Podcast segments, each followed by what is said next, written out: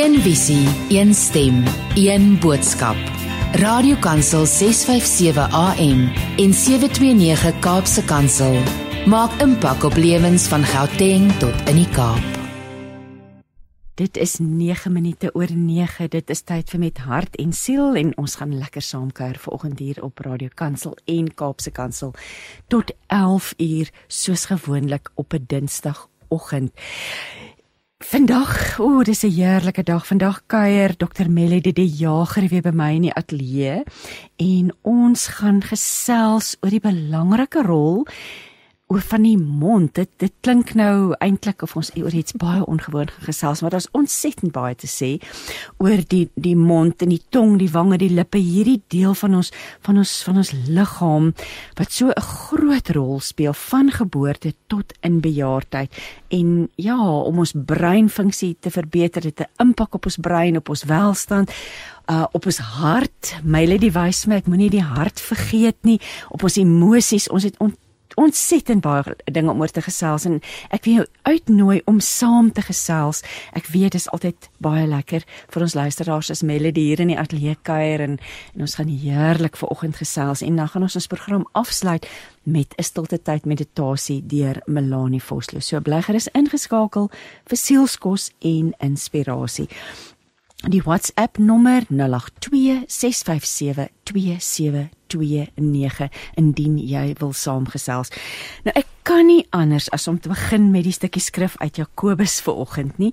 Daar's uh, verskriklik baie geskryf in die woord ook oor die tong oor uh, oor en, en ons en ja dit wat by ons monde uitkom maar kom ons spring weg met hierdie met hierdie stukkie uit Jakobus en daar staan geskrywe Kom ons uh, ja, of kom ons neem 'n skip as voorbeeld. 'n Skip is massief, maar die roer waarmee die kaptein die hele stuur, die hele skip stuur is baie klein. Net so is die tong maar baie klein in vergelyking met die res van die liggaam.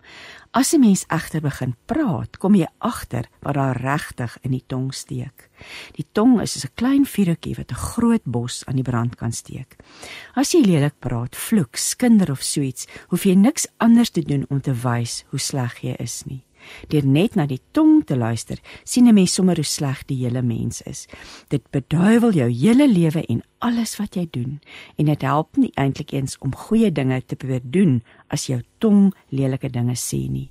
Jou tong is soos 'n vuur wat jou hele lewe laat uitbrand. En die ergste is dat die duiwel dat dit die duiwel is wat die vuur in jou mond in jou mond kom aansteek wat jou hele lewe kan vernietig.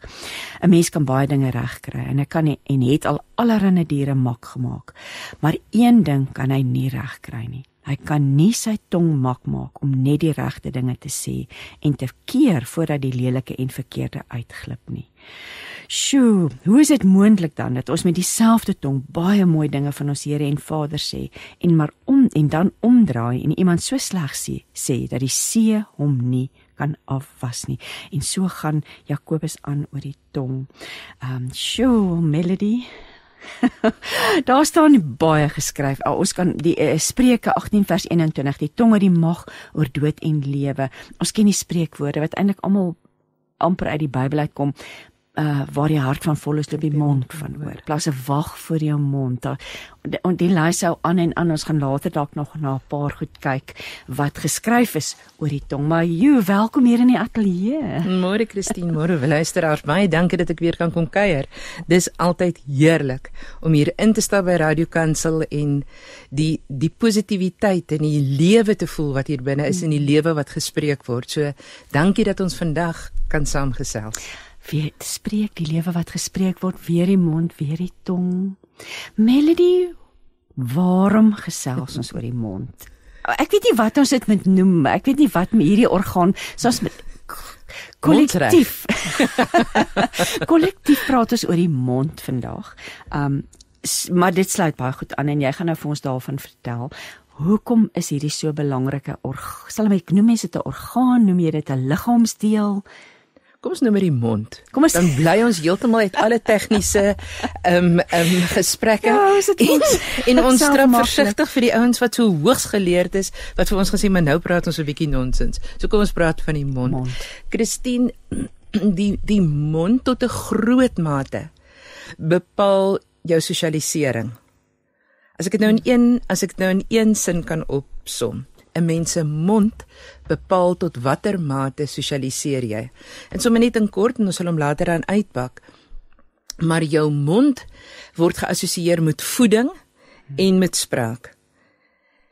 So waar voeding en spraak betrokke is, ja, daar's gesondheid by betrokke, Ja, maar ook geestesgesondheid. Ja.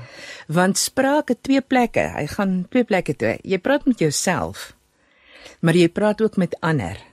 En hoe mi, hoe minder ons die mond gebruik om ordentlik te eet, of dit nou 'n babietjie is wat die eerste mylpaal is wat soog is, of dit nou 'n baba is en of dit 'n ouer persoon is wat al hoe al hoe sagter kos begin eet, al hoe ook is jammer ek gaan hoes.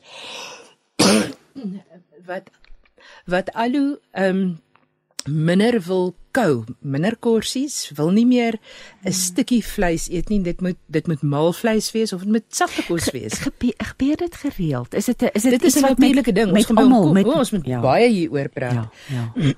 en veral soos wat 'n mens ouer word, maar dit is ook waar vir jonger kinders, want daar's baie jonger kinders wat ook nie korsies kou nie. En ons moet onthou, so ons sê die mond is belangrik, want dit is ons basis vir sosialisering. So aan die een kant is dit voeding, met ander woorde, 'n baba moet suig, want hy het nie tande om mee te kou nie. Verstaan? En maar dan die oomblik as jy tande het, dan moet jy kou en jy moet goed kou. Want dit ont, ontwikkel die die struktuur van jou gesig. Dit dit dit vorm die voorkoms van jou gesig. Daar's baie om daaroor te sê. Sjoe. Ek sal nou nou ietsie sê oor die oor die palet. Ek gaan my vingers kruis dat ek dit onthou want dit is so Ek gaan vir interessant. ons 'n nota maak dat ek Want die kan Vader het ons so ongelooflik fyn beplan. Ons ag dis hoeveel duisende jaar later en ons soek nog vir redes vir die struktuur, vir die ingenieurswese van die liggaam. Maar die ander ding is as jy nie reg kou nie, as jy nie reg gesuig het nie, dan gaan jy nie mooi kan uitspreek uitspreek. Jou uitspraak as 'n babietjie is onduidelik. As jy ouer is en jy begin al hoe minder ordentlik kou en lank genoeg, hard genoeg, jy weet harde goed, Ja, goed met weerstand. Hoe sê die kinders, ek wil nie iets eet met goeters in nie. Jy jy moet goed eet met goeters in. Dis baie goed vir jou mond. Want hoe beter jy kou, hoe beter ontwikkel jy die struktuur van nie net jou gesig nie, maar jou hele mond. Jou ek ek wens ek kan vir die luisteraars vra om ek sou nou nie sê hardloop nie, maar om iets te kry of miskien net iets om te kou terwyl daar waar jy nou sit. Maar s- vat 'n happie. en Dan sit jy hom in jou mond en dan probeer jy daai ding kou sonder om jou tong te gebruik. So jy laat jou tong plat lê in jou mond. Jy kan nie want jou lippe moet sluit, jou wange werk verskriklik hard om kos in te stoot. Jou tong stoot dit die hele tyd onder jou tande in sodat jy dit fyner en fyner kou. So as jy nie genoeg kou nie, dan ontwikkel die spiere waarmee jy praat nie goed genoeg nie. En wanneer jy nie lekker praat nie, hoe sosialiseer jy?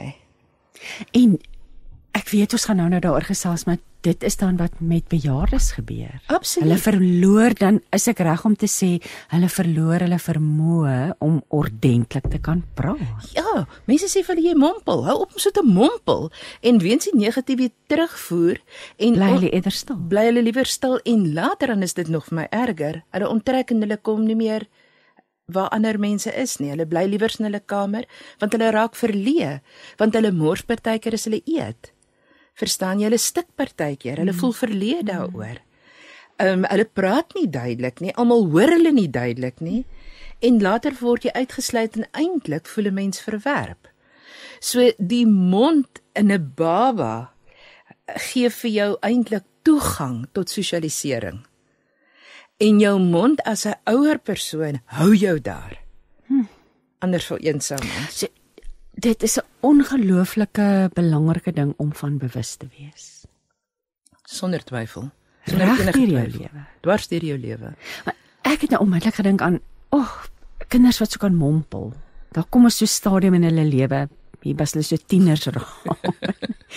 Want dit het met my kinders gebeur. Ek dink vir die meeste se kinders. so mense wil eintlik net vir hulle klomp goed gee om te eet, dat hulle net kan aan die kan nie beweeg raak met daai kakebeen, maar die wat of- wat hoekom gebeur dit met die kinders? Dit is dieselfde ding. 'n Mens as jy as jy gespanne raak, wat gebeur? Die spiere word span styf. ja. Alle spiere, jou kuitspiere, ja. ja, jou nek en skouerspiere, ja, alle spiere span styf. So dan raak dit bietjie moeiliker om jou kakebeen te beweeg. Verstaan jy, maar dit is so by tieners is dit meestal dis baie gruwe veralgemening, maar dit is meestal as gevolg van hierdie moeilike transisie van ja, kind wees. Ja. Daai hormone wat so pomp en hulle weet nie wat om met die hormone te maak nie en hulle weet wat se reëls van hulle samelewing, hulle weet wat's die reëls in hulle huis, wat's die waardes, mm. wat wat's die norme. Maar daar's 'n oer ding wat met 'n mens gebeur wanneer in jou tienerjare is as jou hormone so hardloop. En en en sien nou moet ek nou, gou-gou na 'n heel ander onderwerp toe, maar dit pas aan want ons kan nie van die mond praat sonder om ook van die neus te praat nie. Want as ons nie vir hemel te gehad het nie, was dit een groot holte. Ja.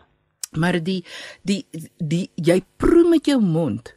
Jou mond kan eintlik net sê sout, soet, umami. Ja. Ehm um, suur of bitter. Maar maar dit is jou neus, dis wanneer jy so kou en die geur kom in jou neus op dat jy werklik um, 'n geur beleef wat 'n baie groot invloed op ons emosies het. Met hormone. So ek het nie gou nog ietsie van die neus sê, die neus het twee bane. En hierdie is nou so klein stukkie tegnies, maar ek dink dit is verskriklik interessant want dit vat ons dit gaan ons weer terugbring neus toe. So ons is net gou-gou ons spring net gou-gou neus toe. Ons dit gaan ons terugbring mond toe. So die neus het twee paaie. Die een is na jou oerbrein toe en dis waar feromone inkom. Dis daai wat jy jy ruik nie dit nie. Dis nie iets wat jy ruik nie, maar dis iets wat jou neus optel wat vir jou sê ehm um, hier hier is mense wat sekere goed voel en jy kan dit optel en jy reageer daarop.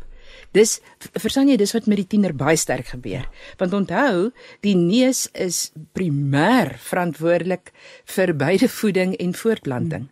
So die tieners is besig om gereed te raak om eendag, luister mooi, eendag nie nou nie, voort te plant. So so daardie en dis onbewus en dit dit ontspoor ons tieners en hulle het nie beheer daaroor nie want dit is vir 'n minne werk werk op jou op jou on, onderbewuste deel van die brein. En dan gaan dit ook na die slim deel van die brein toe wat vir sê mmm daai is gebraaide hoender. Daai kaneel dit kom saam met my ou dit laat my dink aan my ouma en pampoen. Ver, verstaan? So die neus en die mond werk saam en jou vraag was eintlik hoekom mompel tieners ek dink dit is weens die spanning wat hulle beleef weens hierdie ongelooflike drange wat hulle begin beleef, ehm um, die reaksie wat hulle op ander mense het, die waardes van hulle gesin, hulle weet glad nie wat om met hulle self te doen nie.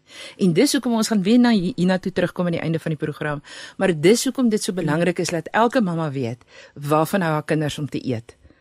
Elke kind, want wanneer jy sien jou kind trek swaar, maak jy net daai kos. Jy het geen idee. Sure wat se drukkie dit vir hulle is sonder dat jy hulle fisies druk want baie keer wil hulle dit om ons nou nie meer hê nie. Ja. Verstaan, maar jou neus is het hulle vir baie baie jare het hulle die neusbrein, jou emosionele brein het hulle vir jare die neusbrein ge genoem. Maar die neus en die mond werk saam, is nie die een sonder die ander nie. So verstaan jy, daar's 'n daar's 'n interverweefdheid. Fascinerend. Ver, verstaan jy my verwondering met die Skepper? Toe jy nou gepraat het, vroeg vroeër het jy het jy genoem oor of het jy dit genoem die ingenieurs ja wese of die die ingenieurskap van ons liggaam wat ongelooflik hierdie goed wat jy nou sê mense is gefassineerd mense kan amper nie glo dat ons so fantasties gemaak is nie ons weet die woord sê ons is maar maar die bewys daarvan is net so ongelooflik. Christine, kan ek gou-gou so klein bietjie weer van die onderwerp maar terug na die onderwerp? Ja. In voorbereiding toe dink ek terug aan die tabernakel. Onthou jy toe die toe die Israeliete rondgetrek het? En ehm um, ek wil hê Wel, ek wil nie vir julle hê nie. Ek deel eenvoudig wat my verwonder op die oomblik. Mm.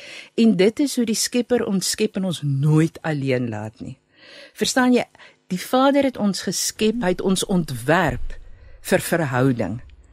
En een van die bewyse is is in die die die struktuur van die tabernakel. Dit kom daar uit die laat boeke hoofstukke van van Exodus. Maar dit is ongelooflik.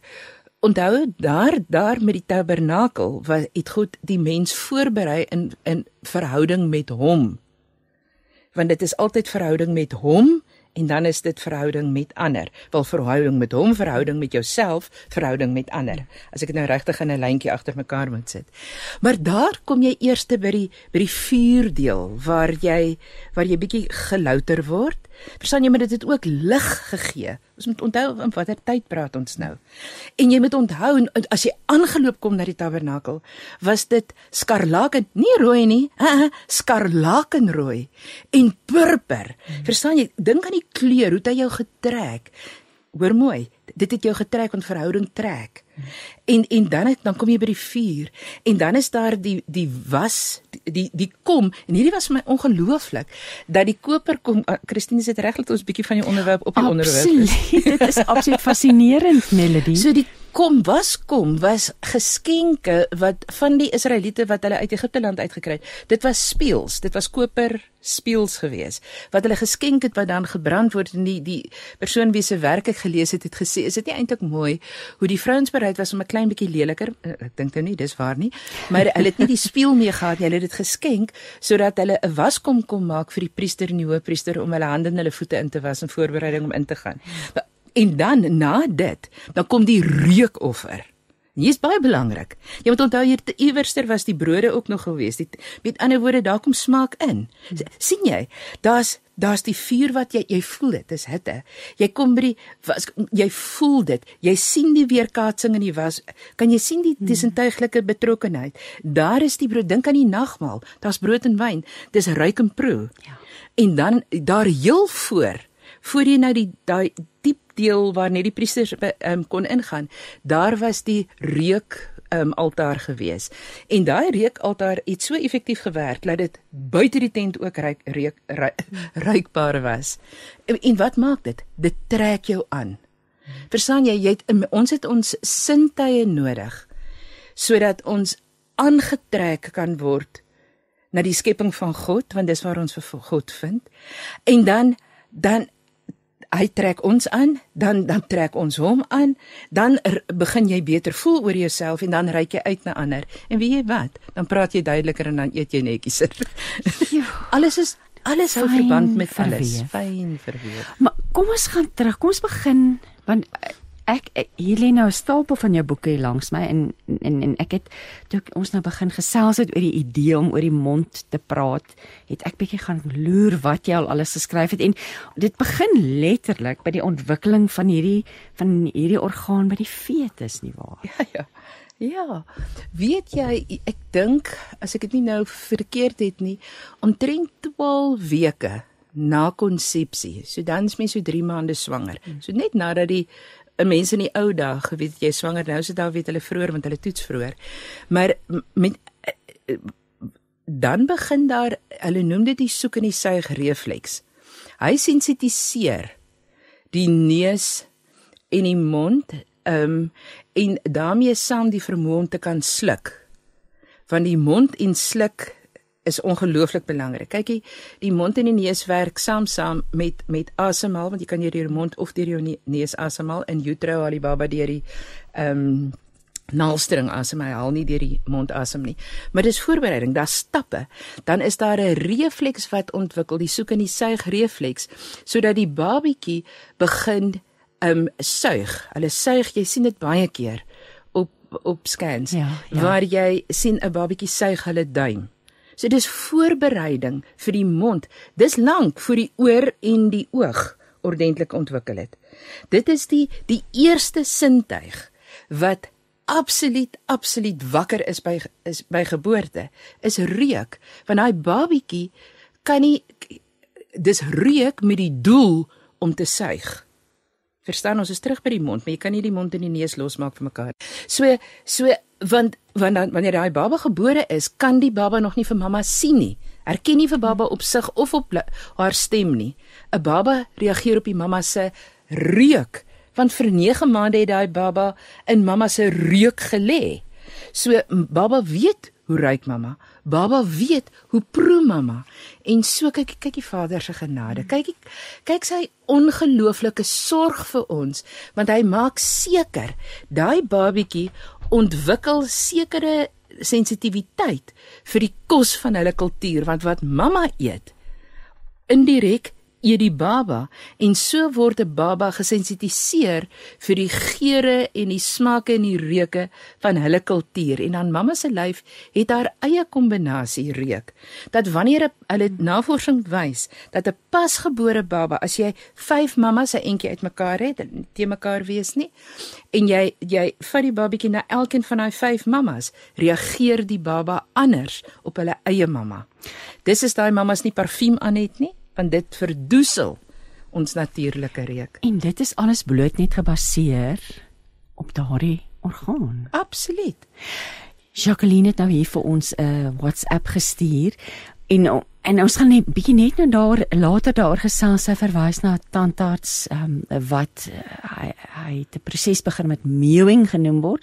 Dis 'n natuurlike proses met oefeninge om uh sy verwys hier in Engels overbite en underbite en ander kwale van die gebit en spiere in die gesig te genees en alles te verbeter. Um, daar is blykbaar YouTube video's um, wat deur sy seun geplaas is. Die seun is ook 'n tandarts sê Jacqueline. Maar ek on, ek weet ons gaan nou nog gesels oor oefeninge ook. Ja, ja. Daar's daar's meneer Jacqueline, dankie. Ja, 'n bietjie te gaan navorsing en kyk ek daarna te gaan kyk, maar ons gaan net nou ook gesels oor oefeninge wat ons kan doen. So Ja, so wat wat kan ons as ouers dan doen?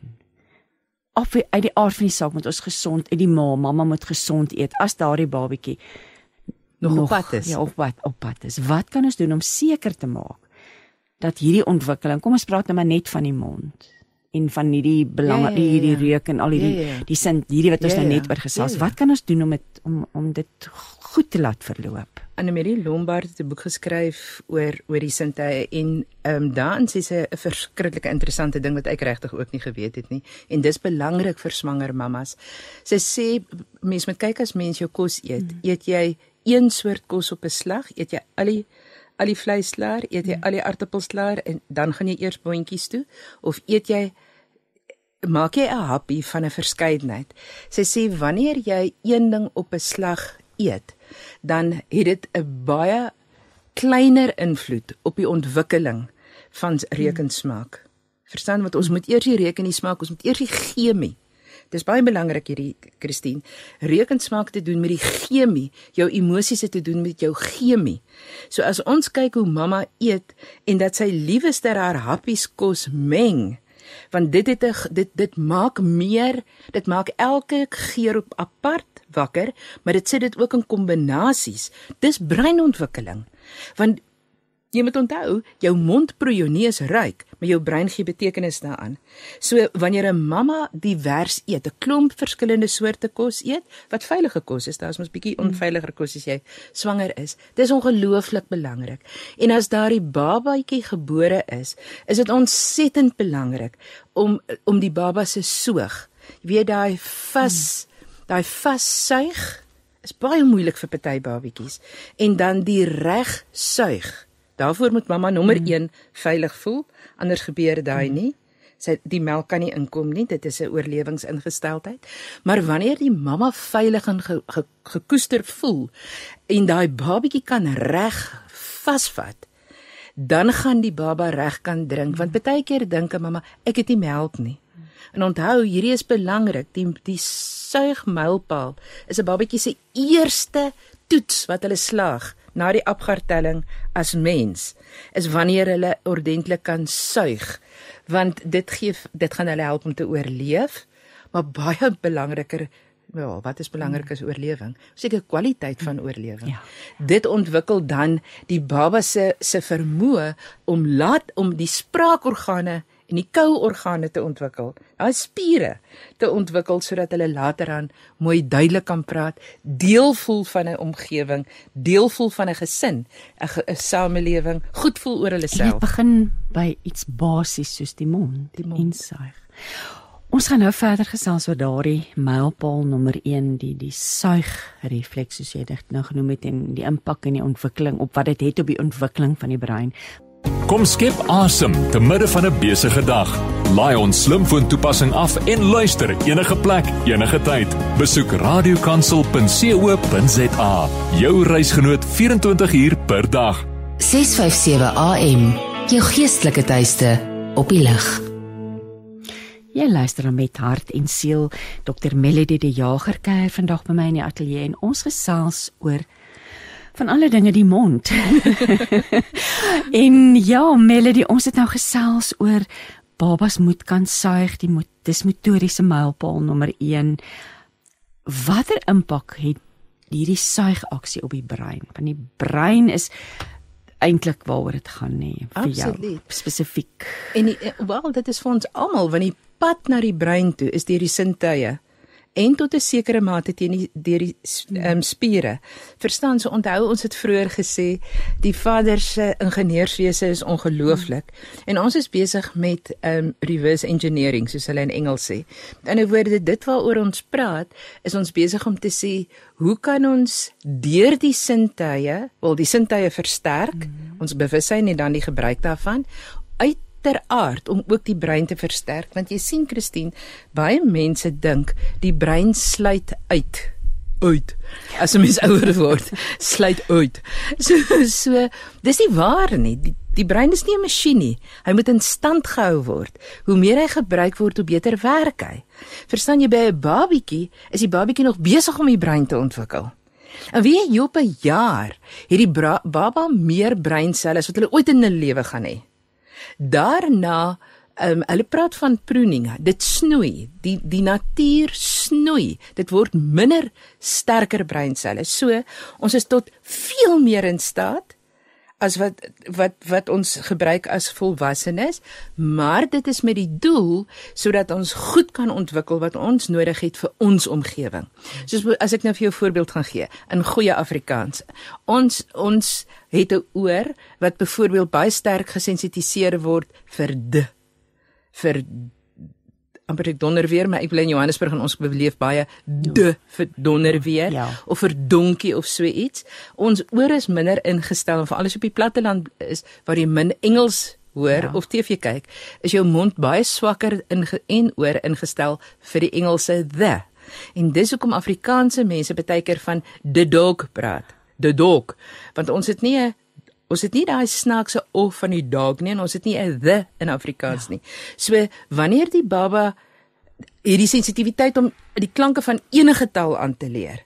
Maar as die baba nie blootstelling kry in die eerste jaar nie, dan word daai gesnoei wat die baba nie gereeld hoor en gebruik. Kyk kyk hoe die vader los ons nooit.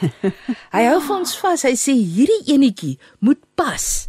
En jy moet pas in hierdie gemeenskap want dis waar die baba gebore is. Dis waar die baba hom of haarself nou bevind. Verstaan jy? En dan dan laat hy toe dat dit wat ons nodig het vir dit wat ons is, baie sterker ontwikkel. Maar die prys wat ons vir spesialisasie betaal, is dat ons minder sensitief raak vir ander goed. En dis hoekom 'n mens baie keer met 'n aksent 'n taal 'n taal praat wat jy later in jou lewe eers aangeleer het. Verstaan? So hierdie baba is wat het, jy jou vraag was wat het die mond met breinontwikkeling te doen? Alles. Want want taal is baie sterk. Word beskou as een van die grootste stukke gereedskap wat die brein gebruik om om slimmer te word. Want wanneer jy die name van goed het. Kyk, jy kan van baie dinge bewus wees sonder dat jy weet wat 'n mens dit. Maar hoe praat jy met ander sonder om te sê dis die doel van taal? Is dat jy 'n gemeene um, woordeskat het sodat mense mekaar kan bereik want aan die einde van die dag gaan die hele gesprek vandag ongeag na watter kant toe ons hardloop die gesprek gaan oor verhouding. Verhouding met God verhouding met jouself verhouding met ander want daar kom woorde by betrokke emosie kom daarbey betrokke natuurlik ook. Verstaan jy? En dis waar die die lekker oor die mond is 'n bron van absolute vreugde in in proe en ruik. O, oh, dit is ook 'n bron van absolute afskuw as daar goed is waarvan jy nie hou om te eet nie of te ruik nie, nê. Nee. Maar die mond ontwikkel die chemie wat lei tot emosies, gevoelens en 'n mens se welstand. En dis hoekom COVID so pes was. Want dit het ook daardie organe aangetast, nê? Baie baie sterk. En dit het regtig as as jy kyk na foto's van jouself in die laaste 14 jaar, ag 14. Laaste nee, daarom net 4. 4 jaar gaan jy verras wees om te sien hoe die mensdom verouder in voorkoms in die laaste paar jaar. En ek dink dat dit dit het baie te doen met die met die reukensmaak wat aangetast is, want dit beïnvloed ons verhoudings. Miskien het jy sterk genoeg geloof hmm. dat dit niks aan jou geloof in God verander het nie, maar dit het 'n mens jouself baie laat betwyfel. Jy het 'n baie interessante ding gesê voor ons begin gesels het dat en jy het gesê ons dink dit is net ek. Ek dink dit is net ek en ons moet dit vandag noem oor die lig dat hierdie impak en spesifiek met verwysing na COVID, hierdie impak was wêreldwyd gewees. Nee, dit is enorm. Jy weet en, en omdat omdat 'n mens so geneig is om om te wil pas en te wil goed vertoon. Ek praat nou nie net van 'n voorkoms ding ja, nie, maar ja. goed oorkom tussen ander mense. Sê mens nie altyd hierdie diep goed wat jou regtig ehm um, pla en wat krap op 'n daaglikse basis en dit krap aan 'n mens se selfvertroue. Dit krap aan jou aan jou selfbeeld want jy begin dink dis net ek. Hmm. Kyk almal almal gaan so goed aan. Jy weet veral as jy na die foto's van al die mense kyk wat 'n oomblik ja ja ja wat net 'n oomblik ja. in tyd was. Ja. Verstaan jy maar 3 oomblikke later kon die hele prentjie totaal anders gelyk het. Die hele atmosfeer hmm. daar kan alles anders wees. Maar maar 'n mens voel dis net ek nee. Hmm. Ek wil ek ek dankie vir die geleentheid om te sê dis nie net jy nie, dis almal. Alle mense en ek dink ek kan kategories sê alle mense was diep aangeraak daardeur. En daarmee saam is alle mense besig om so hard te probeer as wat hulle enigsins kan om staande te bly.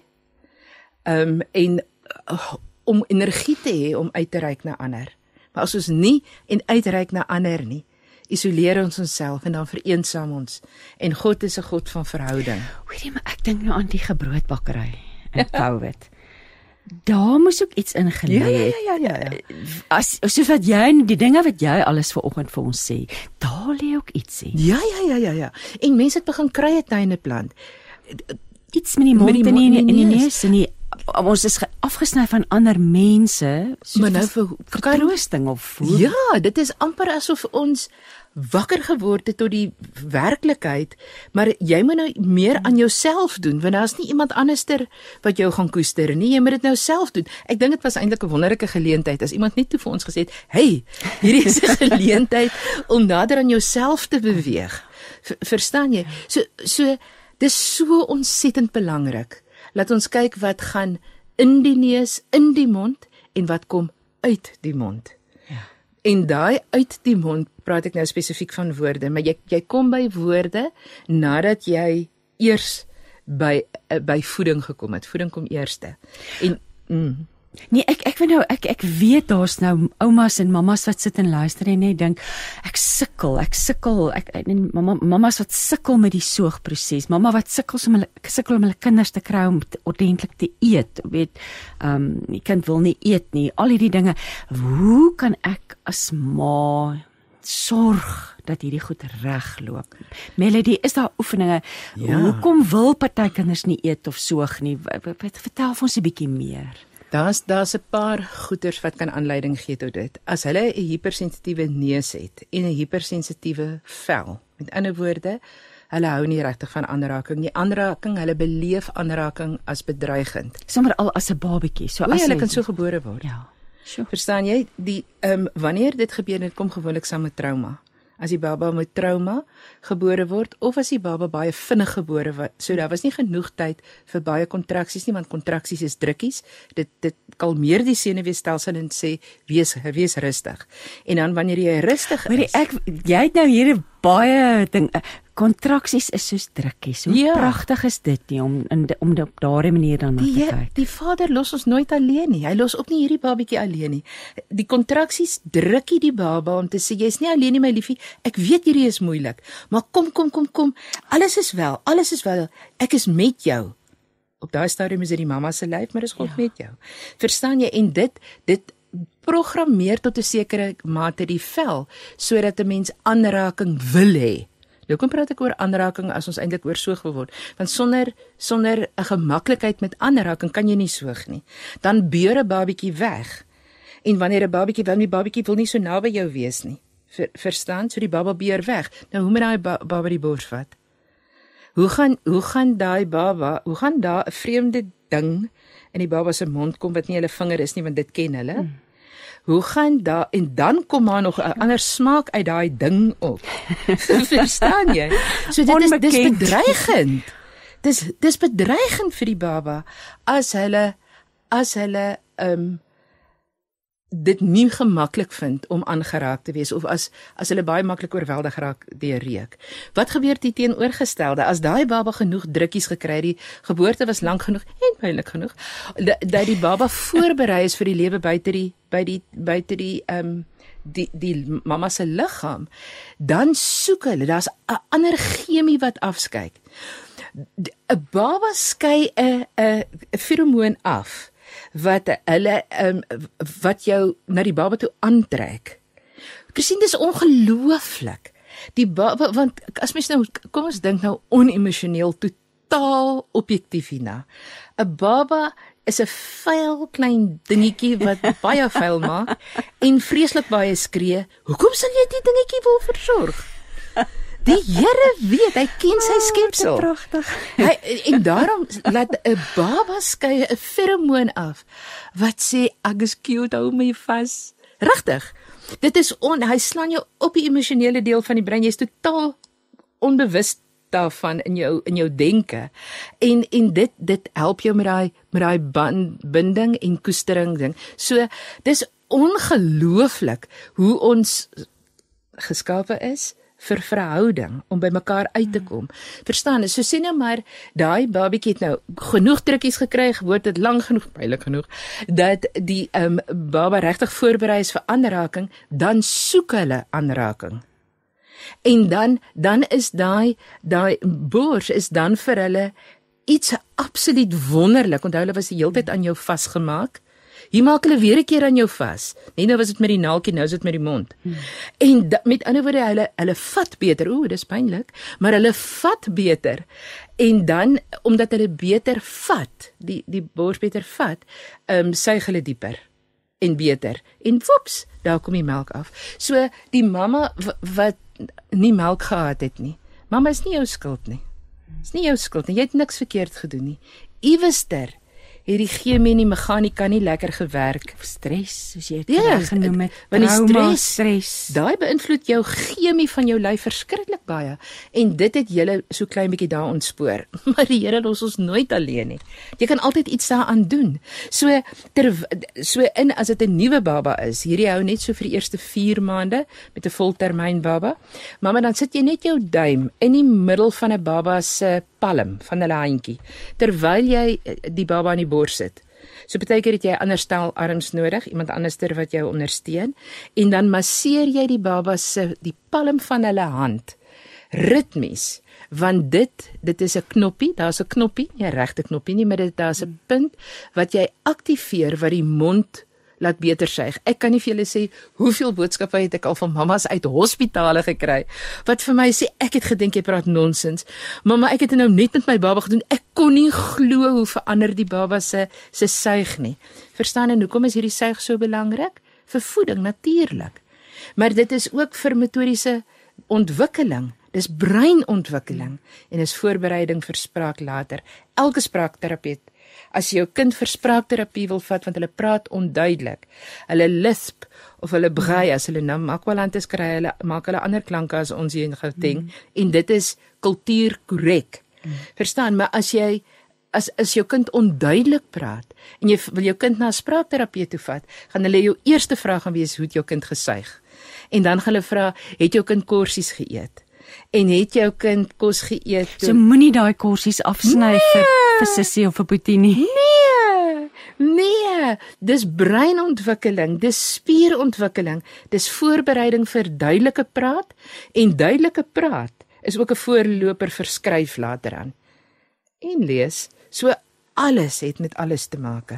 Melody, ek kyk nou hier en dit was hier in die boek breinontwikkeling myl mylpale en leer baba gim en mind moves opskerpers hierdie boek wat jy geskryf het.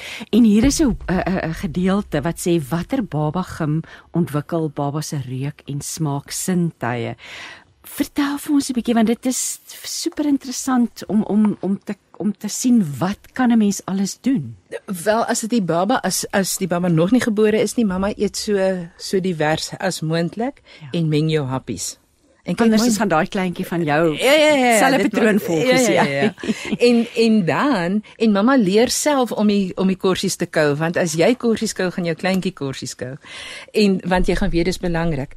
En dan as as die kleintjie gebore is, stel hulle bekend aan aan 'n verskeidenheid reuk. Nou moet ek gou net iets anders sê. In alle kulture en ons eie kultuur maar net jare en jare gelede was 'n mamma altyd vir 'n tydperk afgesonder. Hmm sy was afgesonder sodat sy en die baba net mekaar en dalk een ander versorger of so net mekaar leer ken het mekaar se reuk leer ken het en die grootste tyd het 'n mens spandeer aan mekaar om mekaar te leer ken en om te bind. Dit is glad nie so nou nie. Jy jy sien 'n mamma wat gister geboorte gegee het, vandag uit die hospitaal is en daar's hulle in die mol. Daai hmm. kleintjie word oombliklik oordonner met al die reuke en en goed in die omgewing. So hoor mooi, pasgebore moet ons so min aan 'n klein hoeveelheid reuke blootstel. Ehm um, wat belangrik is vir die baba, wat met wie of wat wil jy hê met hierdie baba 'n band bou? Stel hulle net daaraan bloot vir die eerste paar weke.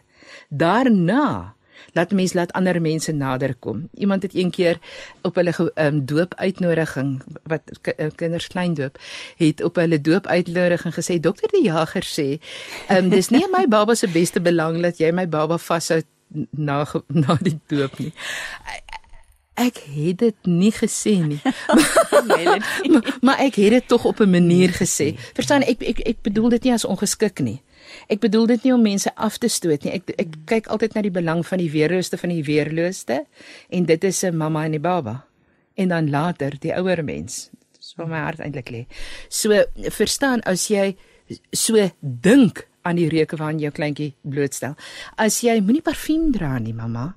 En moenie in die begin parfuum dra nie. Later kan jy met jou baba gaan jou daarin herken. Maar aanvanklik kamoufleer dit die jou reuk wat die baba die hele tyd aangewoond geraak het in jou lyf. So hou jou lyf se reuk so dieselfde as moontlik. Pappa ruik anders. Laat hy ook sê lekker ruik net so bietjie bietjie weghou. Ehm um, want daai is baie belangrik verstaan jy ons praat oor die mond maar jy kan nie oor die mond praat sonder die neus ja, nie ja, ja. want die neus trek jou nader want onthou die mond gaan oor verhouding.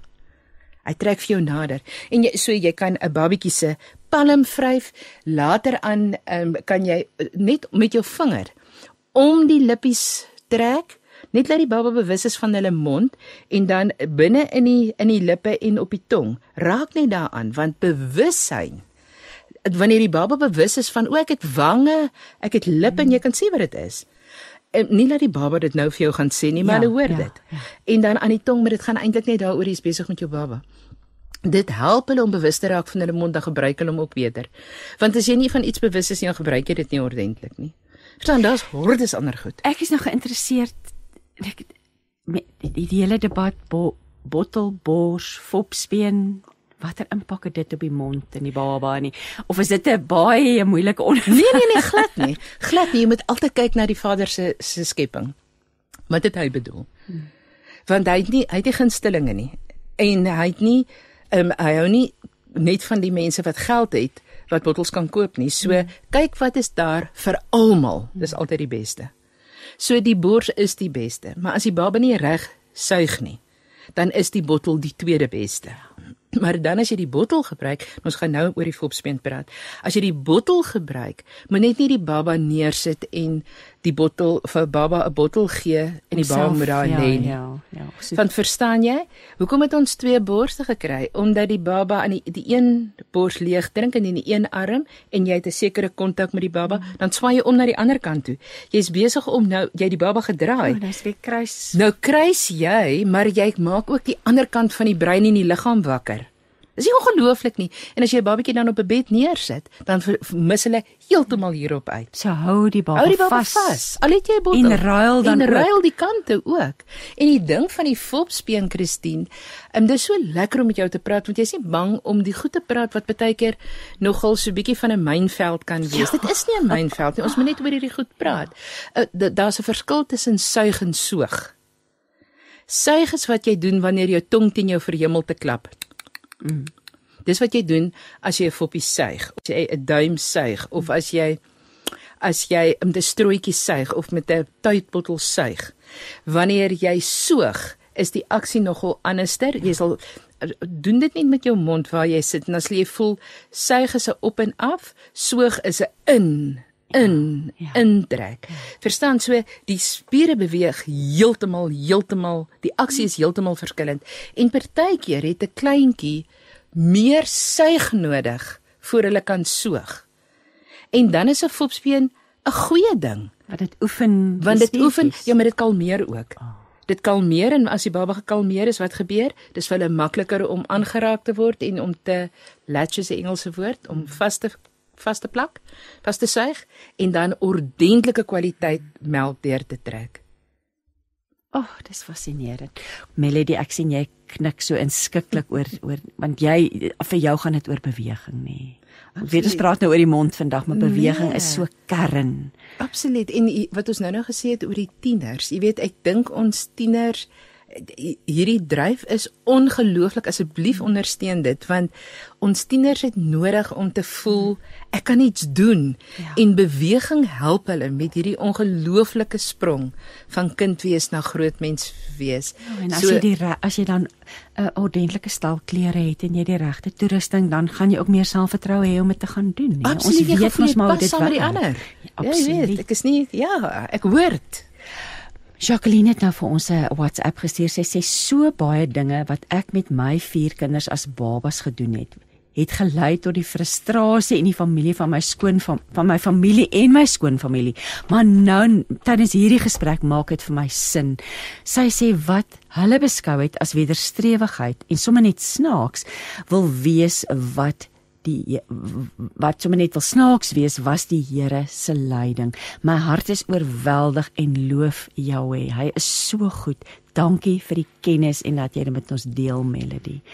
Interessant. Dankie Jacqueline ook vir jou boodskap aan ons vanoggend. Melody, kom ons praat nou oor spraak en taalontwikkeling. Ons het nou gespreek oor die suig en die belangrikheid suig en soog en alles wat daarmee saamgaan. Maar spraak en taalontwikkeling, dis 'n massiewe deel van ons sosialisering soos jy reg vroeër gesê het. Maar wat moet ons weet daaroor?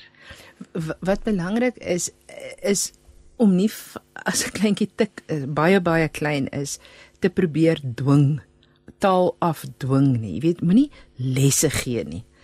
Ehm um, sluit jou klein ding in jou daaglikse lewe en benoem raak en benoem is eintlik die ding wat ons vir kleintjies leer.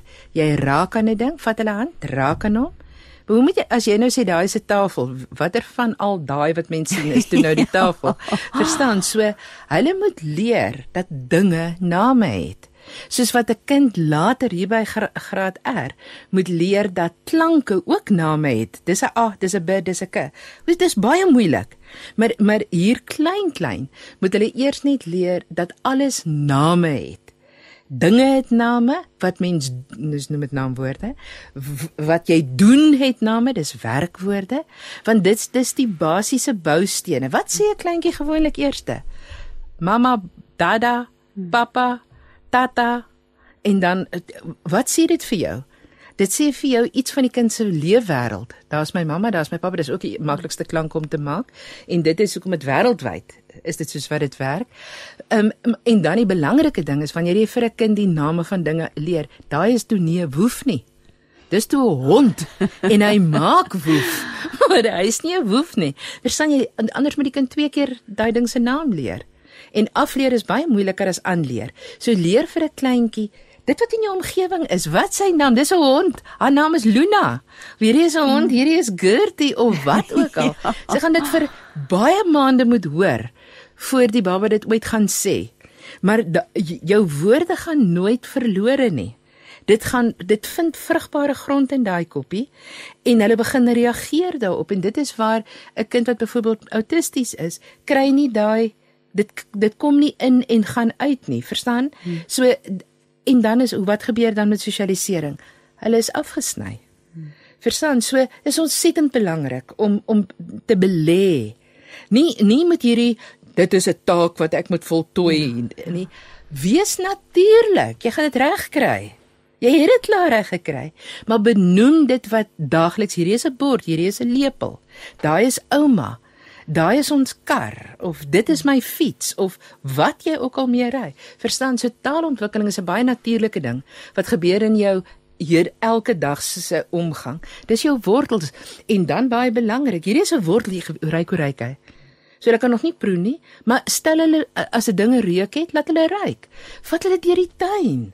Raak aan hulle neusie en dan hou jy ietsie op want dan weet hulle hierdie ding wat ek nou net aangeraak het, die ding moet ek nou gebruik. Verstaan dit help hulle om brûe te bou en dit help hulle om te voel maar ek voel veilig in hierdie omgewing. Ek weet wat is hierdie goed se name. Ek ek hoor hier, hierdie is my plek. En dan raak dit baie makliker, jy raak rustig, jy raak kalm en dan raak dit makliker om uit te ry. Hierdie is die begin van die jaar. Die van julle met met kinders enige plek, enige ouderdom op skool of selfs universiteit of wat begin werk het, oorgang op enige vlak is moeilik. Tot jy die woordeskat tot jy die woordeskat, wat is hier? Wat noem 'n mens hier? Jy weet as jy na die jong mense luister, hulle praat woorde, hulle gee goed name wat ons nie gebruik nie. Ek kan onthou toe ek jonk was. Toe was kwai en ehm um, o, oh, daai is kwai. Dit beteken eintlik ja. is cool. Onthou julle dit was kwai. Dit het pa gesê wat's kwai daaraan? Ver, verstaan jy? So 'n ja. mens 'n 'n 'n generasie het 'n woordeskat wat hulle verstaan. Ehm um, en 'n mens moet jou kind toelaat om die woordeskat te gebruik van sy generasie of haar generasie, want dit sluit hulle daarin. Beteken nie jy moet nou daai goed ook aan aanleer en dit begin gebruik want jy dink dis vreeslik cool nie. Jy, jy weet um, ken jou plek man. Wie sê die tieners so graag vir ons? Kry 'n lewe, jou eie. Nie my lewe kom leef nie, kry jou lewe. So so taalontwikkeling is ontsettend belangrik want dit help jou om om 'n in 'n groep te pas. Want kyk, as jy nie 'n taal praat nie, is jy outomaties uitgesluit. As jy taal praat, is jy outomaties ingesluit. Nie heeltemal nie, maar ek bedoel jou kans ja. vir insluiting is net soveel groter. So taalontwikkeling is ontsettend belangrik. En as 'n kind nie 'n lekker uitgebrei was, lekker uitgebreide taal, daar is nie 'n ding soos 'n lekker uitgebreide taal nie, maar dit is nou lekker is my taal. Mm. So as 'n mens nie 'n goeie uitgebreide mm. taal woordeskat het nie, dan maak dit dit vir 'n kind baie moeilik om later aan te leer om te te lees en te skryf. Verstaan so praat, gaan skryf en lees of lees en skryf vooraf. So praat net met jou kind oor jou alledaagse goed. Jy weet, wat beleef jy? Hoe voel jy? Dis hoekom storie lees. Ag, oh, storie lees is seker die grootste geskenk in terme van taalontwikkeling. Ja, TV stories is fyn. Ja, teater is fantasties want dit is ten minste driedimensioneel is nie plat nie. Maar maar en daarmee sê ek nie TV is nie goed nie. Daar's wonderlike goed op die TV. Maar maar nommer 1 is interaksie tussen regte mense. Nie plat mense nie. Jy weet plat mense soos 'n skerm nie, regte mense. Want ehm um, dan lees jy mekaar se gesigte dan reageer jy op die ander persoon se gesig. En jy weet nie ek moet nog 'n bietjie meer verduidelik hier het ek hulle verloor toe ek hierdie ding gesê het, want jy kyk jy's ingestel op op 'n mens. As jy ingestel is op die TV, die TV het geen reaksie op jou nie. Met ander woorde, jy leer ook nie om aan te pas in daai verhouding nie. Ons het ons het nodig om interaksie te hê met mekaar en 'n ouer is 'n kind se heel eerste onderwyser. En eintlik as jy dit so verduidelik Melody, dis so so eintlik maklik. En dat jy net die kleintjie op gaan stap deur die tuin praat, sê. Ja. En en en op hierdie manier is ja, jy jy gee die kind 'n voorsprong, nê. Nee. Jy doen, Christine, weet jy hoeveel ouers sê nou, maar hulle ouers het dit nooit met hulle gedoen nie, so hoekom moet hulle? Dan ek het nie 'n antwoord vir dit nie, behalwe jy sal voel hoe lekker is dit wanneer jy dit begin doen. Jou ja. beloning van die kind se kant af jou beloning in die nabyheid van julle verhouding gaan jou bewys wees dat hierdie 'n baie goeie dat dat hierdie vir julle goed kan wees. Verstaan jy want as jy dit nie doen nie, wie moet? Wie wie gaan? ja. Maar kom ons praat en ek dink dit is ook 'n belangrike onderwerp om aan te raak vir oggend. Spraakprobleme. Hoe hanteer ek spraakprobleme met my kind? Um om watter rede dit ook al gebeur het, Ja. maar hoe hanteer 'n mens dit? kom agter jou kind het as jou kind 'n spraakprobleem het want een van die moeilikste goed as met 'n kind met 'n spraakprobleem die ouer kompenseer kompenseer outomaties daarvoor en 'n mens kom nie regtig agter dis 'n spraakprobleem nie dit is maar soos die kind praat hmm. en jy vang jouself dat jy namens die kind praat verander ek het in praktyk nou die dag was daar 'n wonderlike mamma by my en ehm um, haar haar kind um, was in Coward gebore gewees en sy taalontwikkeling is nie baie goed nie. Maar elke keer as ek vir hom iets vra, dan antwoord hy my. En ek kyk nog vir hom want ek probeer nog agterkom wat het hy gesê want hy praat ontsettend onduidelik. Dan die mamma dit klaar herhaal en dan het ek dit. So hy kry ook nie die geleentheid om dit reg te stel nie. Verstaan? So ek hoor dan wat het hy bedoel dan sê ek vir hom: "Sê vir my want dan moet maak mens eers seker kan die kind dit sê kan die mond dit vorm want baie keer is die die spiere van die mond is swakker ontwikkel omdat hulle nie kobbersies geëet het nie onder andere of goeters met goeters in nie. Dit was sagte kos. So so die die regtig die mond is vol spiere en as daai spiere soos enige ander spier in jou liggaam moet geoefen word en jy oefen hom veral as hy 'n bietjie swaar werk, harder werk. So as jy agterkom nee, maar die kind kan dit sê, die kind sê dit net nie spontaan nie, dan weet jy dis nie 'n struktuurprobleem nie. Hier nou moet ons hulle net daai oor instel en die want jy moet na jouself luister as jy praat. So die kind moet leer om vir hulle self te luister en die mamma moet dadelik ophou vir die kind praat. En dis nogal, ek dink Dis baie Moeilik. moeilik. Want eh, Christine, weet jy wat? Ehm um, dit is so lekker om te kan praat vanuit ek praat vanuit 'n mamma perspektief en 'n ouma perspektief ook. Want my eie dogter, toe sy jo- baie klein was, het ek regtig nie geweet sy het 'n spraakprobleem nie. Ehm um, sy het geweldig nasaal gepraat, maar dit was half snaaks. Dit was maar net soos wat dit geklink het. Sy geklink het en mense het gedink as sy sou dit ontgroei. Hoe? En dit was eers haar wonderlike juffrou wat vir my gesê het, "Melody, niemand verstaan vir Cosette nie." Sê, "Ag, twak man, jy weet soos ons doen. Want jy ja. weet mos die beste." Ehm um, en sy sê vir my, "Jy praat vir haar." Sê ek nonsens. En on- ons sê Cosette staan toe daar en haar ehm um, ons praat toe en ek vang myself my muntig het ek dit nou net gedoen. Cosette het geantwoord, maar ek weet dit was so onduidelik dat jy moet Ek moes interpreteer. interpreteer. Ehm um, ons het 'n ons is 'n Engelse skool gehad op daai stadium en net 'n voorbeeld, 'n praktiese voorbeeld daarvan op 'n Vrydag het ons visvingers geëet. En die hele skool, al 80 van die kinders en die onderwysers en van die ouers het op 'n Vrydag vir Cosette gevra, "What are we eating today?" Want dit was vir hulle die oulikste ding as daai klein blonde dogtertjie sê, "Fishfingers." Verstaan? Toe kom ek agter maar ja, fishfingers is not fish fingers. Ja. Verstaan, so bewus wees. Luister na jou kind se klank. Luister. Kyk hoeveel keer vra ander mense vir jou. Wat, wat het jou kind gesê? Of daar's baie min mense wat die moed het om vir iemand te sê, dink jy nie om jou na jou kind se klank, weet jy, want ons is mos so respekvol dat ons nie eintlik meer terugvoer gee vir mekaar nie. Maar maar kyk na mense se reaksie wanneer jou kind praat. Ehm um, kyk na maatjies. Sluit hulle jou kind in, sluit hulle jou kind uit, want as die kind nie verstaan nie dit is nie verwerping van die kind nie alhoewel die kind dit as verwerping kan beleef. Maar eh, hulle verstaan nie. So hoe moet ons nou saam speel? Gelukkig is hulle baie klein is ons hulle niks gepla oor die praat soveel nie. Hulle speel sommer maar net saam, maar soos wat 'n kind groter word. Dis hoekom 'n mens baie keer 'n ruk wag voor jy begin werk um aanspraak, maar jy moenie te lank wag nie.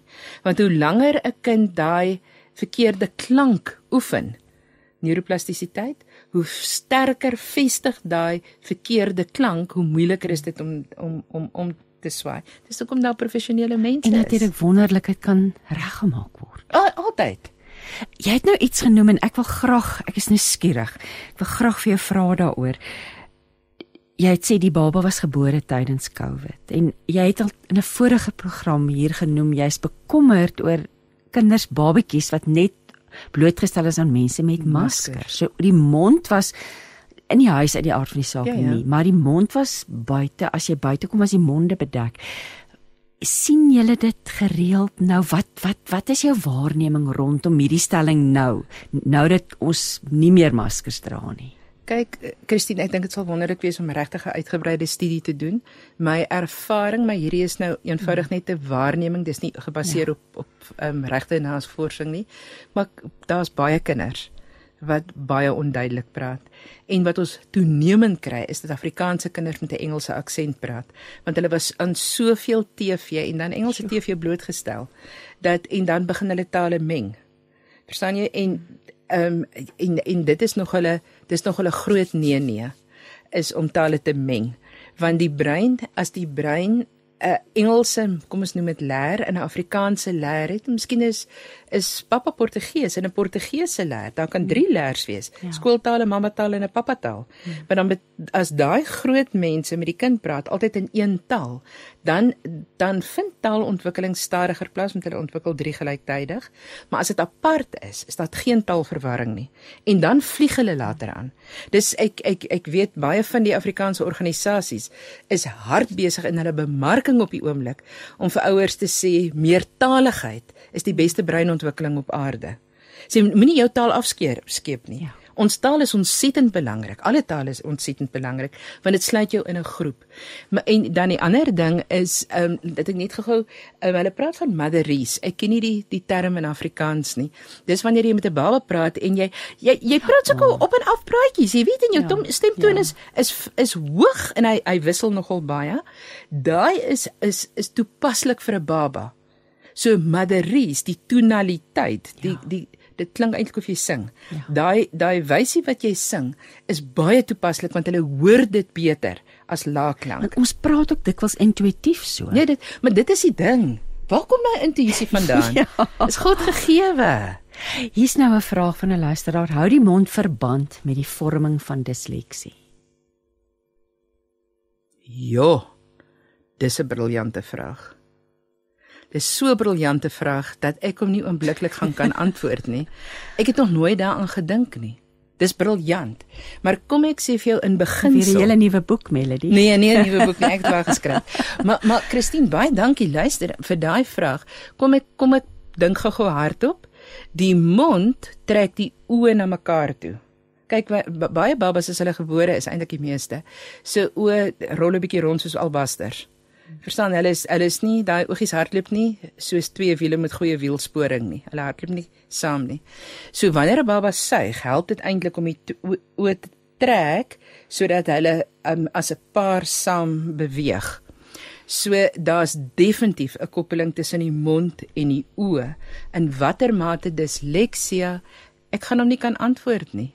Maar dis fascinerend. Dankie dat jy my dag gemaak het met 'n nuwe vraag.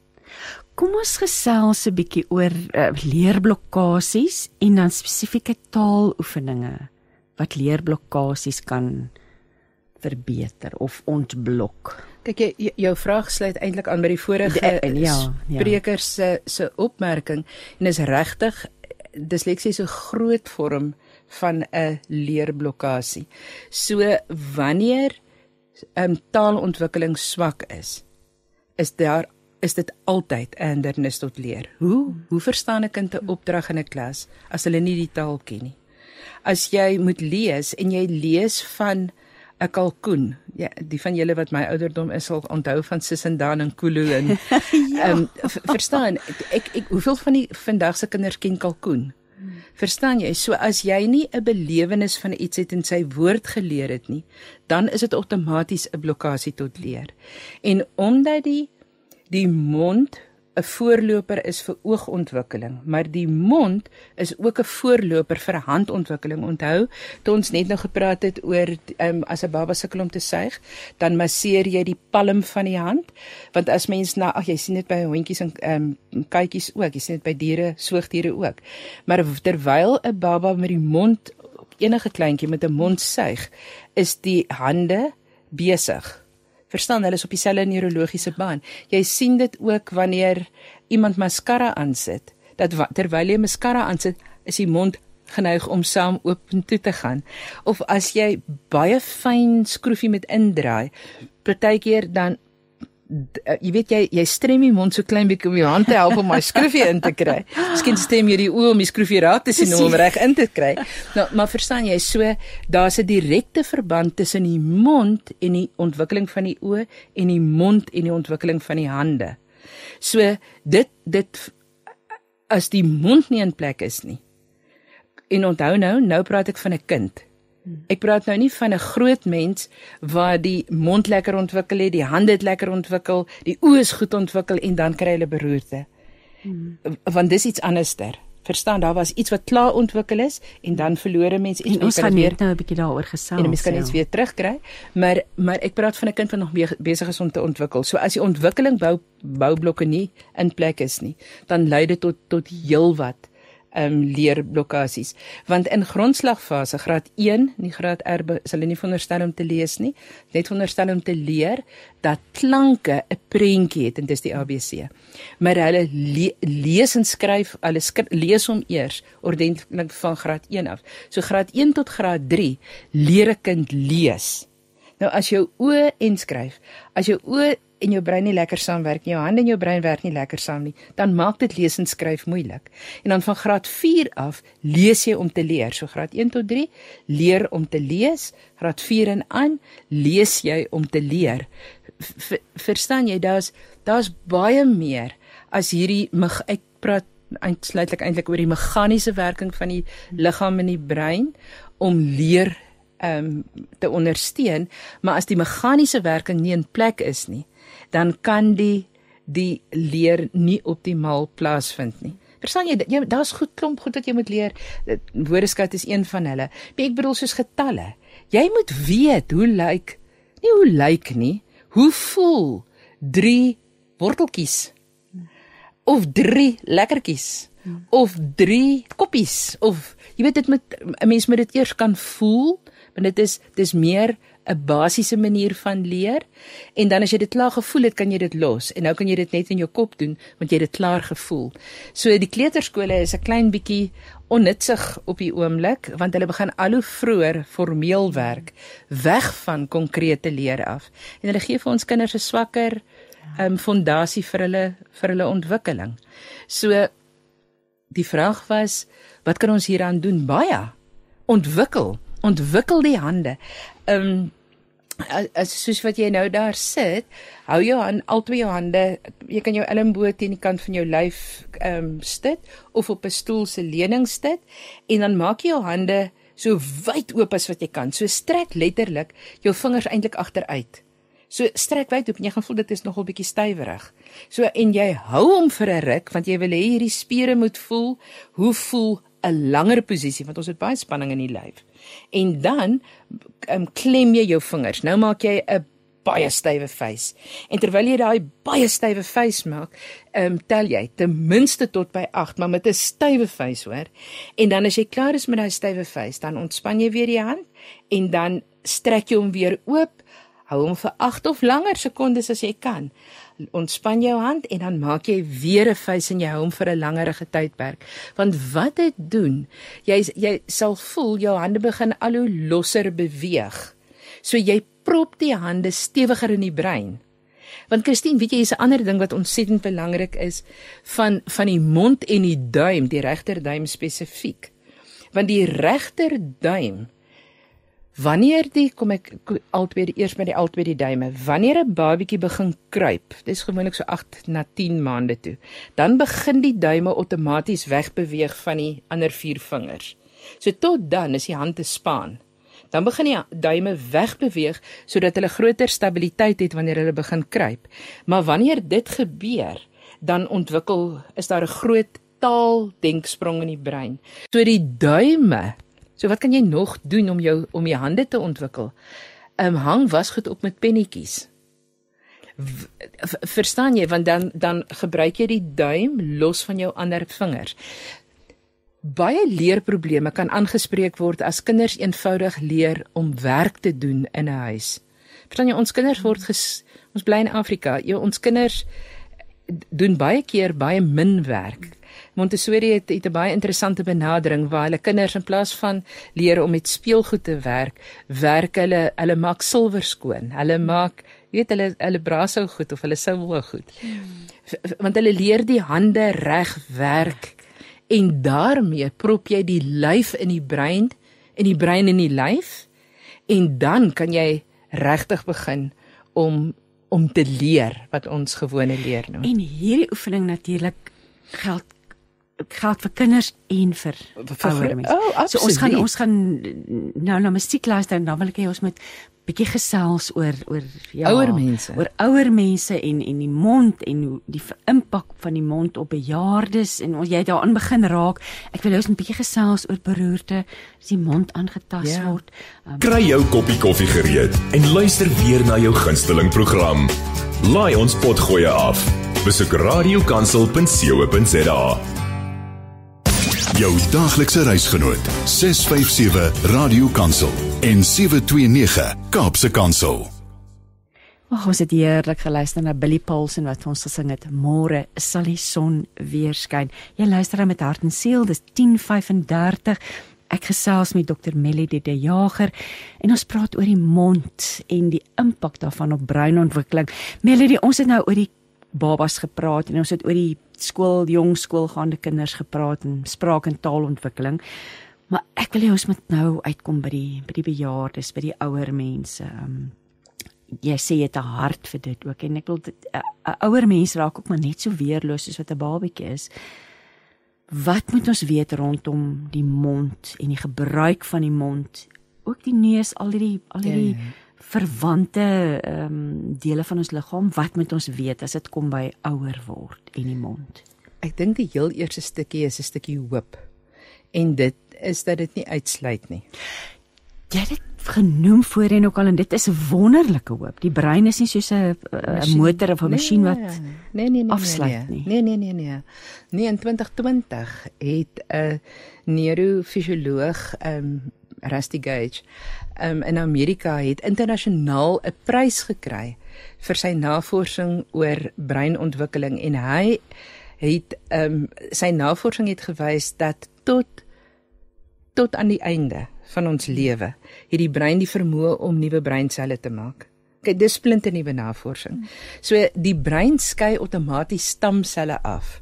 Maar daai stamselle moet gebruik word verstaan, so ons het baie, dis wonderlik, maar as jy dit nie gebruik nie, dan dit sluit nie uit nie, dit verdwyn. Dit die die lyf moet spasie maak vir nuwe goed wat gebruik word. Verstaan? So so hy sluit nie uit nie. Hy word gebruik en as hy nie gebruik word nie, dan um, word dit uitgeskei. So 'n mens moet 'n mens moet 'n keuse maak om te wil lewe. En want dis 'n keuse. En dan soos wat jy daai keuse gemaak het, dan moet jy begin gebruik wat jy het. En een van die belangrikste goed is moenie jouself isoleer nie. Dis een van die belangrikste goed. Want dis die, wanneer jy die dag die besluit maak van ek gaan nie ek gaan nie myself in 'n verleentheid stel voor ander mense nie. Kies jy eintlik om jou lewe te krimp hmm. en daarmee kies mens minder stimulasie en daarmee kies jy minder breinontwikkeling. Verstaan? So bly weg by daai keuse vir so lank as wat jy enigsins kan. En as jy nie kan uitgaan na ander nie, wees die soort van mens wat soos 'n magneet werk wat ander mense na jou toe trek. Verstaan? Ehm um, dit het nie met geld te doen nie. Verstaan, maar wees jy iemand wat lewe spreek. Ja. Maar ek sê nou vir jou, dan gaan 'n ry voor jou deur staan. Ek voel beter as ek voel beter as ek by jou 'n bietjie gekuier. Ja. ja. Want want mense daar daar's so baie 'n gees van kla onder ouer mense. Ja, die lewe het baie verander. Ek het nou onlangs ehm um, het het 'n wonderlike vrou in Mosselbaai het 'n boek geskryf ehm um, vir haar kleinkinders en ek het toevallig daarvan gehoor want sy het ehm um, ehm um, prentjies geverf met waterverf van hoe hulle gespeel toe hulle jonk was. En toe toe kom ek agter my dis nie net dis nie net ehm um, kunswerke nie, sy daar's 'n boek want sy het dit net vir haar eie kleinkinders geskryf as 'n nalatenskap. En toe vra toe sê sy wil jy dit lees? Dis ek ja. Ek kan nie vir julle sê hoe lekker was dit om daai boek te lees nie. Ek het gevoel ek kom huis toe. Want dit was haar dit was 'n vertelling van haar tyd in die 1950s. Wel ek was toe nog nie eens gebore gewees nie, maar sy het gepraat van goed wat ek ken. Verstaan jy, haar pa was op die spoorweg, my pa was op die spoorweg.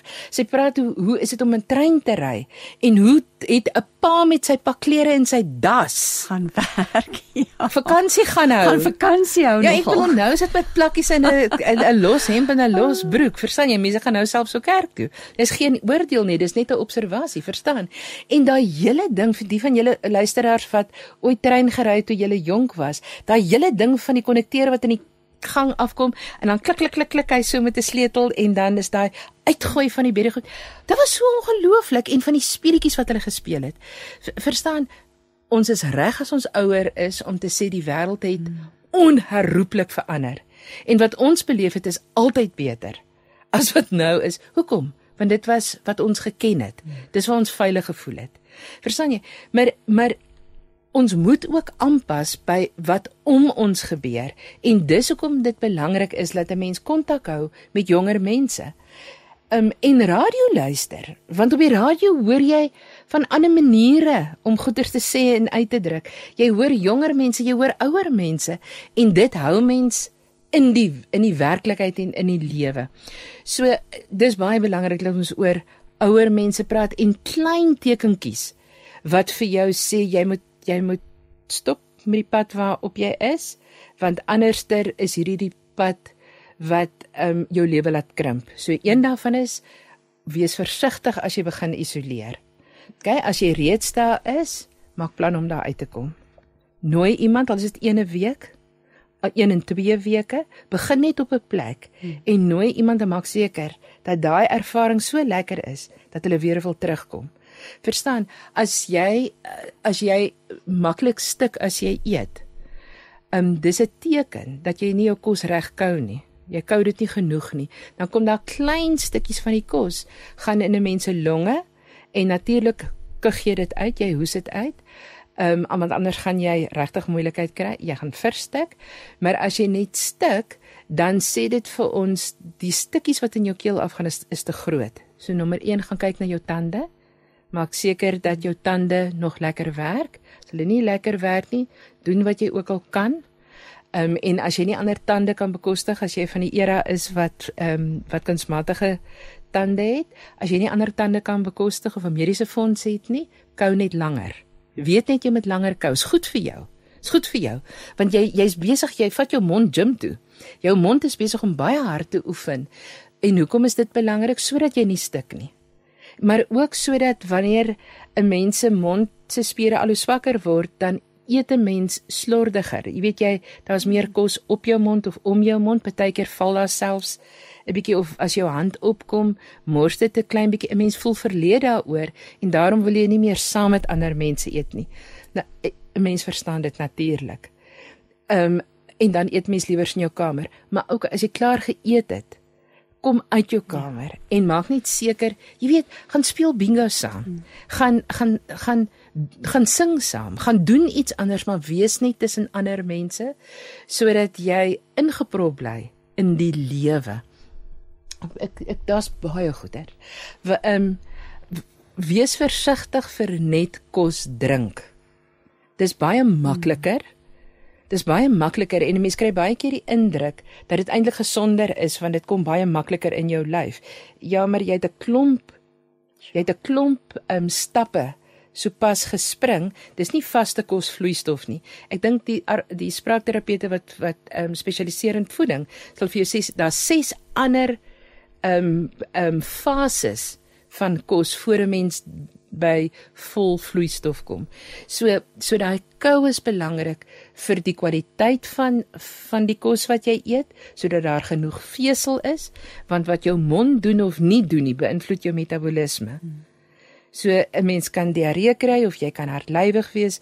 Ehm um, dit kom partykeer net van spanning af, maar partykeer is dit ook omdat ons net nie goed genoeg kou nie en dit was hoekom Jacqueline se se opmerking vroeër oor die mowing Ja, mewing. Mewing. Ja. Baie interessant is definitief ook iets wat ek gaan navors hierna, want wanneer jy 'n oorbyt of 'n onderbyt het en jou tande is nie reg op mekaar nie, dan beïnvloed dit ook jou kou. En onthou, kou lei na spraak toe. So as jou kou problematies is, dan word spraak problematies.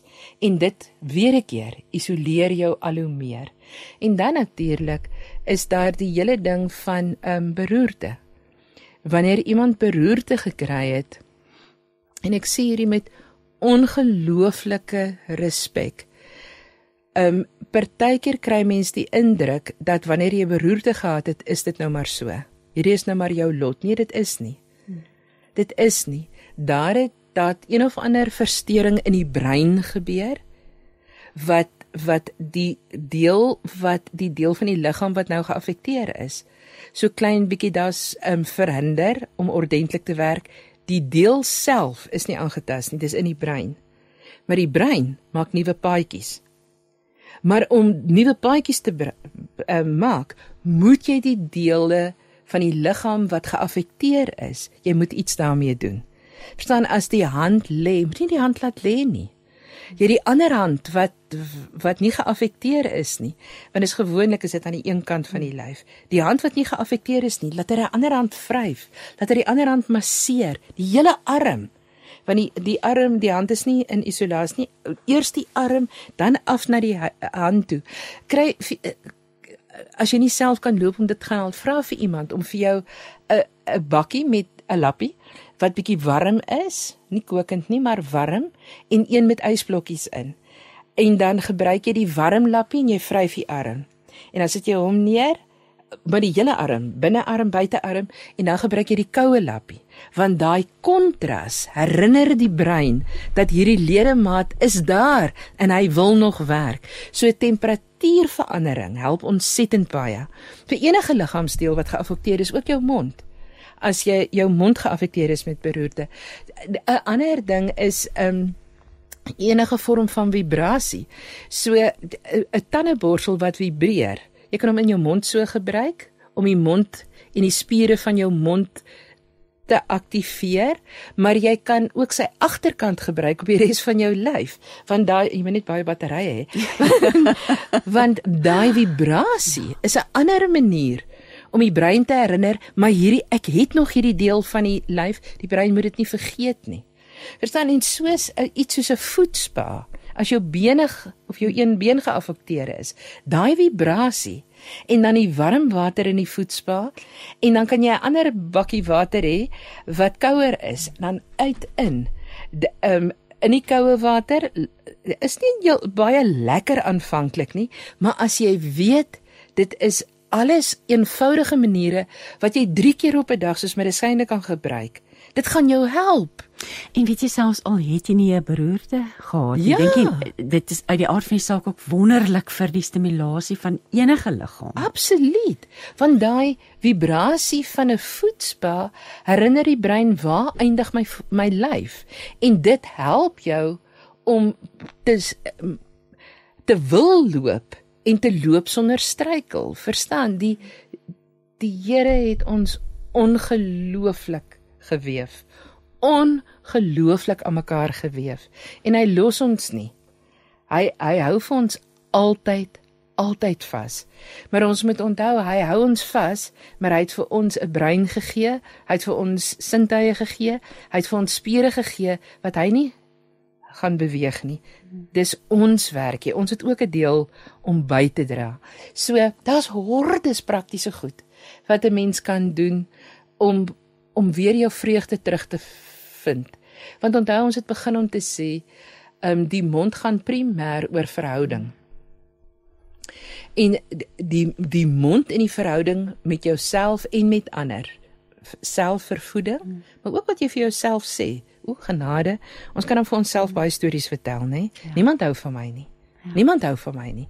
Nee, miskien sien niemand jou nie, dis hoekom hulle nie van jou ken nie. Ja, ja. Ja.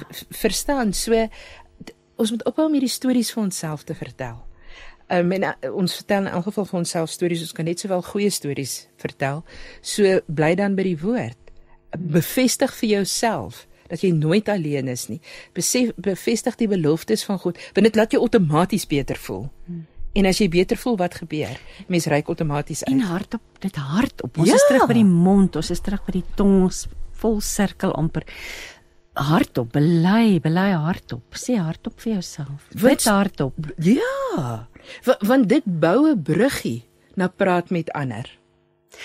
Melody, ek gaan ook dink ons het vir myself rondom in die mond en ek het gister in die winkel gestaan en ek vreeslike diep sug gegee. Die vrou om voor my draai om en sê, oh, "Do you need CPR? Are you okay?" Ek sê, "No, it's just a huge sigh." Wat ook iets met die mond te doen het en die, Ja. maar kyk net net daai lug wat ek uitgeblaas het, het iemand laat omdraai en, en die vrou agter in my in die ry bars uit van die lag en sê no it's just Monday. maar hierdie interaksie en die Here het vir ons hierdie mond gegee vir 'n sodat rede, ons nee. hulp kan kry. Ja, ja. Ons is nie alleen nie. Moenie probeer om dinge alleen te doen nie. Moenie hmm. moenie wegsteek as dit met jou sleg gaan nie. Verstaan, moenie net daaroor praat nie. Maar maar laat mense toe. Christine, dis so 'n interessante ding. Wanneer ons ietsie van ons lewe deel, kort stukkie wat miskien vir jou moeilik is op hierdie stadium, is dit so groot kompliment en geleentheid vir iemand anderster om ietsie te hê om te doen, want nou weet hulle hulle hulle kan hier's 'n geleentheid vir bemoediging. Hier's 'n gemeente geleentheid vir bid. Hier's 'n ge, geleentheid om miskien 'n blom te gaan pluk. Hier's 'n geleentheid om miskien as jy in 'n rolstoel dat hier is 'n geleentheid vir iemand anders om jou te kom stoot.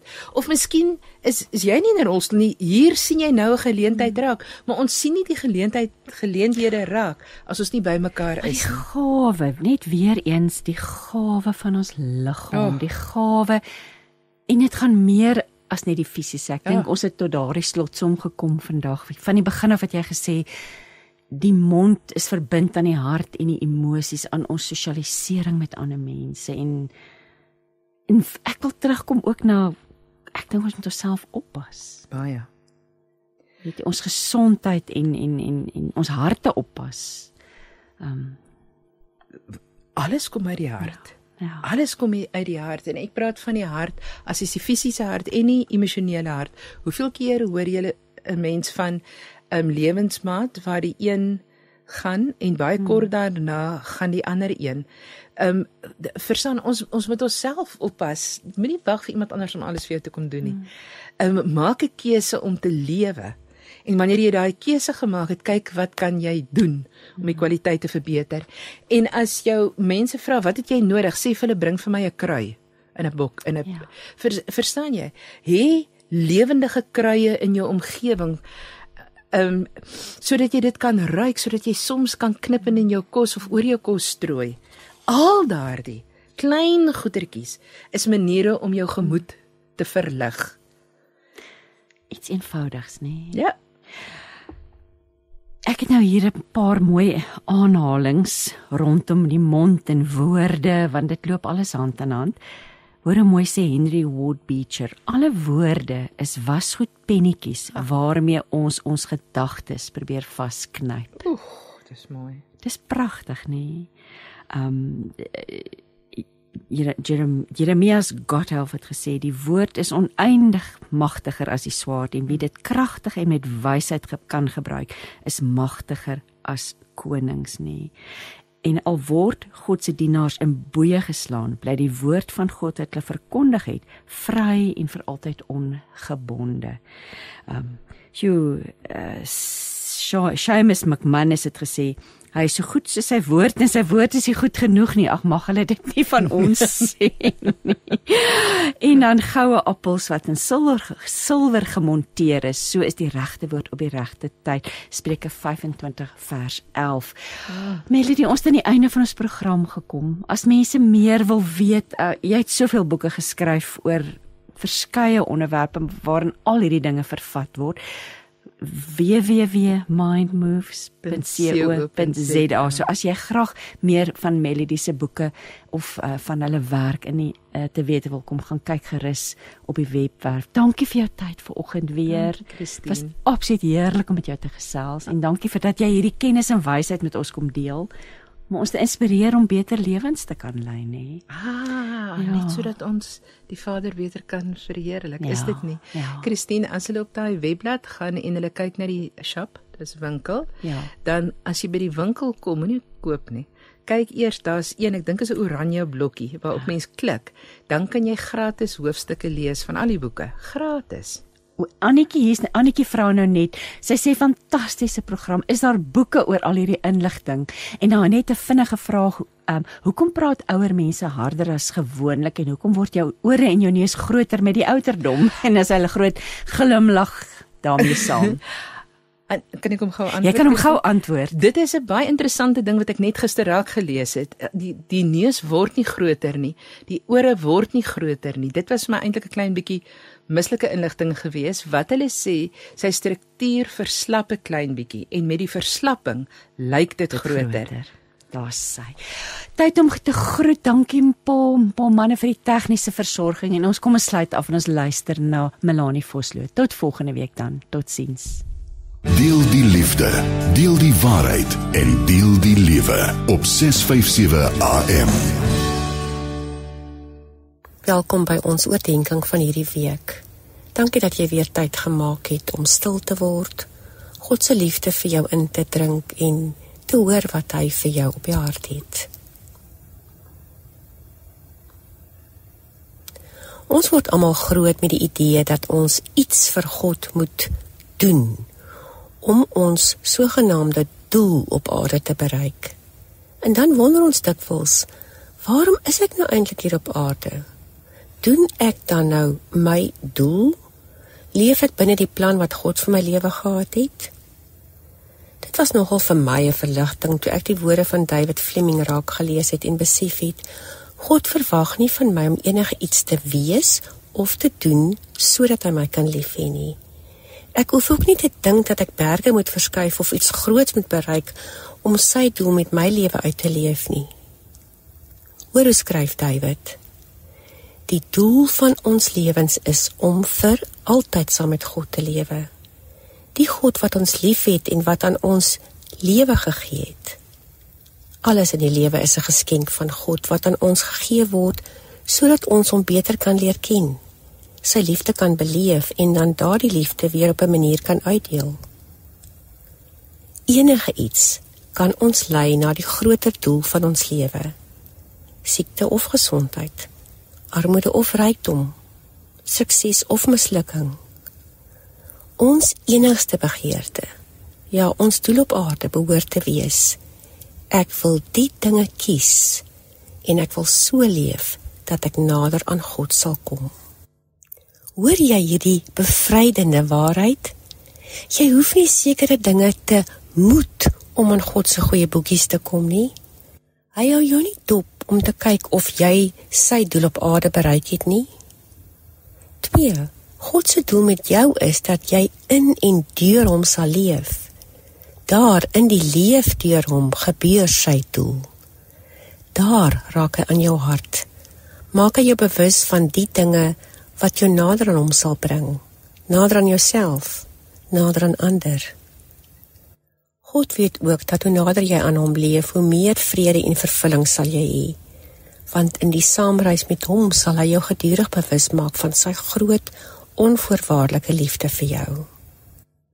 En dan in die vierde plek, wanneer dit jou begeerte is om in sy voetspore te loop, sal jy ook outomaties meer van hom wees. Anders sal jou in jou gewone lewe kan beleef. Hulle sal agterkom dat daar iets anders aan jou is. Iets wat lig gee, iets wat liefde uitdeel, iets wat lewens verander. En in die proses gaan jy verander. Jy gaan beter oor jouself voel en jy gaan 'n meer vervullende lewe hê. Kom ek en jy kies net een ding en dit is om elke dag nader aan ons Vader te leef. Dis immers doelbereiking. Kom ons bid Psalm 119 vers 45.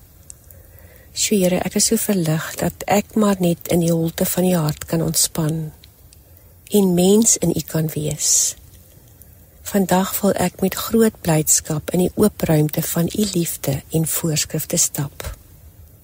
Ja Here, ek wil heeltyd in u liefde stap. Amen. Vanuit die pen van Stefan Joubert en Jan van der Walt kom die nuwe Nuwe Testament vertaling. 'n maklik leesbare Afrikaanse vertaling van die Nuwe Testament. Hierdie vertaling sluit 'n 365 dae Bybelleesplan en Bybelagtergrond video's vir elke boek in die Nuwe Testament in om jou te help om die Bybelse konteks beter te verstaan. SMS nou die woord Bybel na 37871 om die Bybel te bestel. Hierdie vertaling is beskikbaar by Radio Kansel en Radio Kaapse Kansel se kantore en ook op ons aanlyn winkel op radiokansel.co.za teen R250 per Bybel.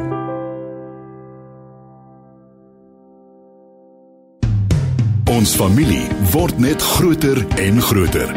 Welkom by ons op 657 Radio Kansel en 729 Kaapse Kansel.